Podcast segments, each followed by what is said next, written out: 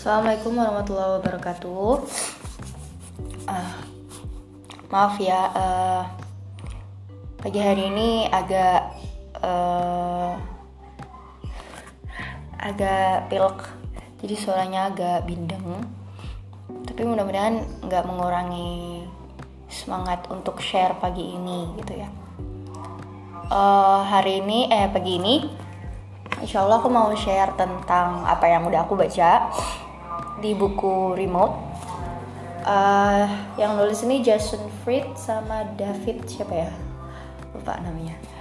Jadi uh, banyak buku recommended dari penulis Jason Fried ini yang perlu dibaca dan salah satunya ini uh, buku Remote gitu. Ada beberapa judul lainnya ada Reward, terus ada beberapa lagi ya. Aku juga belum tahu judulnya gitu uh, buku remote ini sebenarnya uh, lagi ngomongin ini sih ngomongin uh, cara kerja uh, manusia di masa depan. Tapi sebenarnya remote ini udah terjadi cara kerja seperti ini tuh sebenarnya udah terjadi dari tahun 2005 gitu. Dari tahun 2005 sudah terjadi uh, di di US ya bukan di sini di US dan mungkin di ya udah di, di udah terjadi di luar kayak gitu bukan di Indonesia.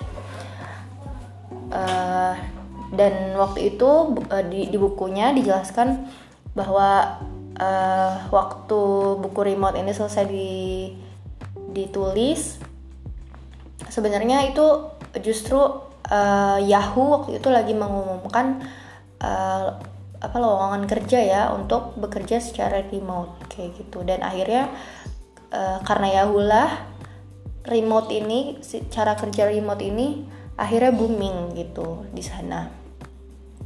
Dan uh, qadarullah wa masyafa'al uh, ternyata pandemi membuat manusia seluruh dunia uh, terpaksa bekerja secara remote gitu. Dan buku remote ini malah jadi uh, lebih dicari lagi gitu ya. Karena ternyata oh kita baik-baik aja lo, lo dengan dengan cara kerja remote. Bahkan ada beberapa keunggulan yang disebutkan.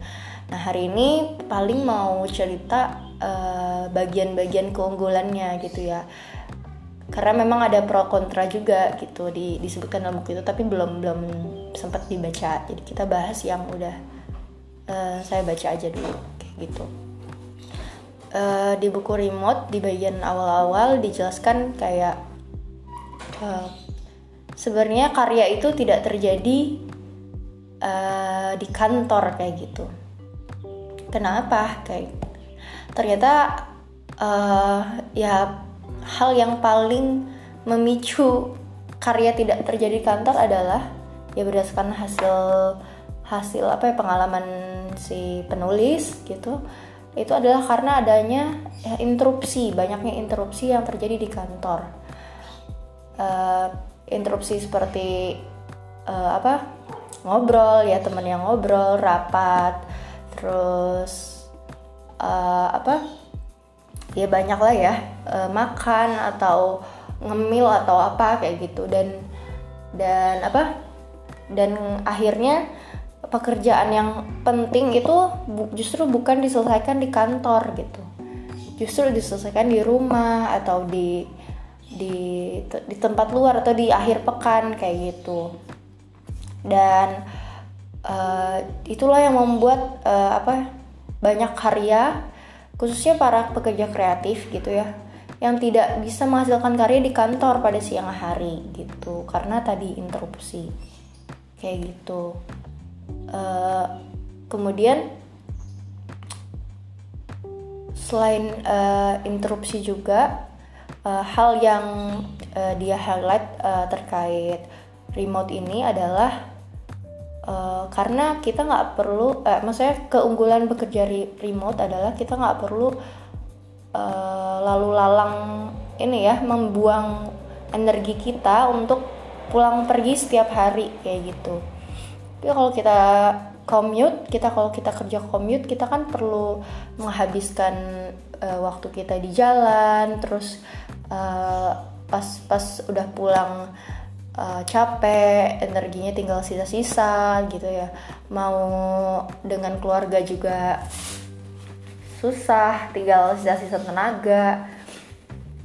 Uh, sementara pekerjaan-pekerjaan yang harus diselesaikan tetap tetap apa jadi PR gitu tetap jadi list panjang yang menyeramkan gitu kalau kalau dia bilang kayak gitu.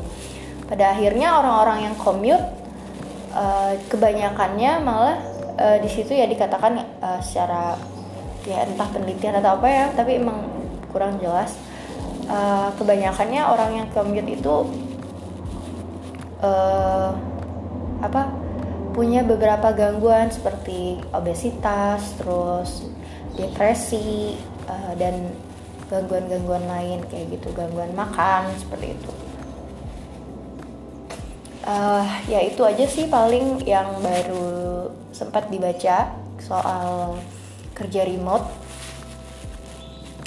Uh, tiga hal ya tadi ya kayak background uh, dulu remote kayak gimana terus sampai terjadinya uh, ada remote kerja apa ada budaya remote kayak gimana terus uh, tentang interupsi ya karya kenapa tidak tidak terjadi di dalam kantor karena ya tadi banyak yang interupsi. Kemudian yang ketiga adalah uh, tadi ya menghabiskan banyak energi banyak waktu saat di kantor kayak gitu.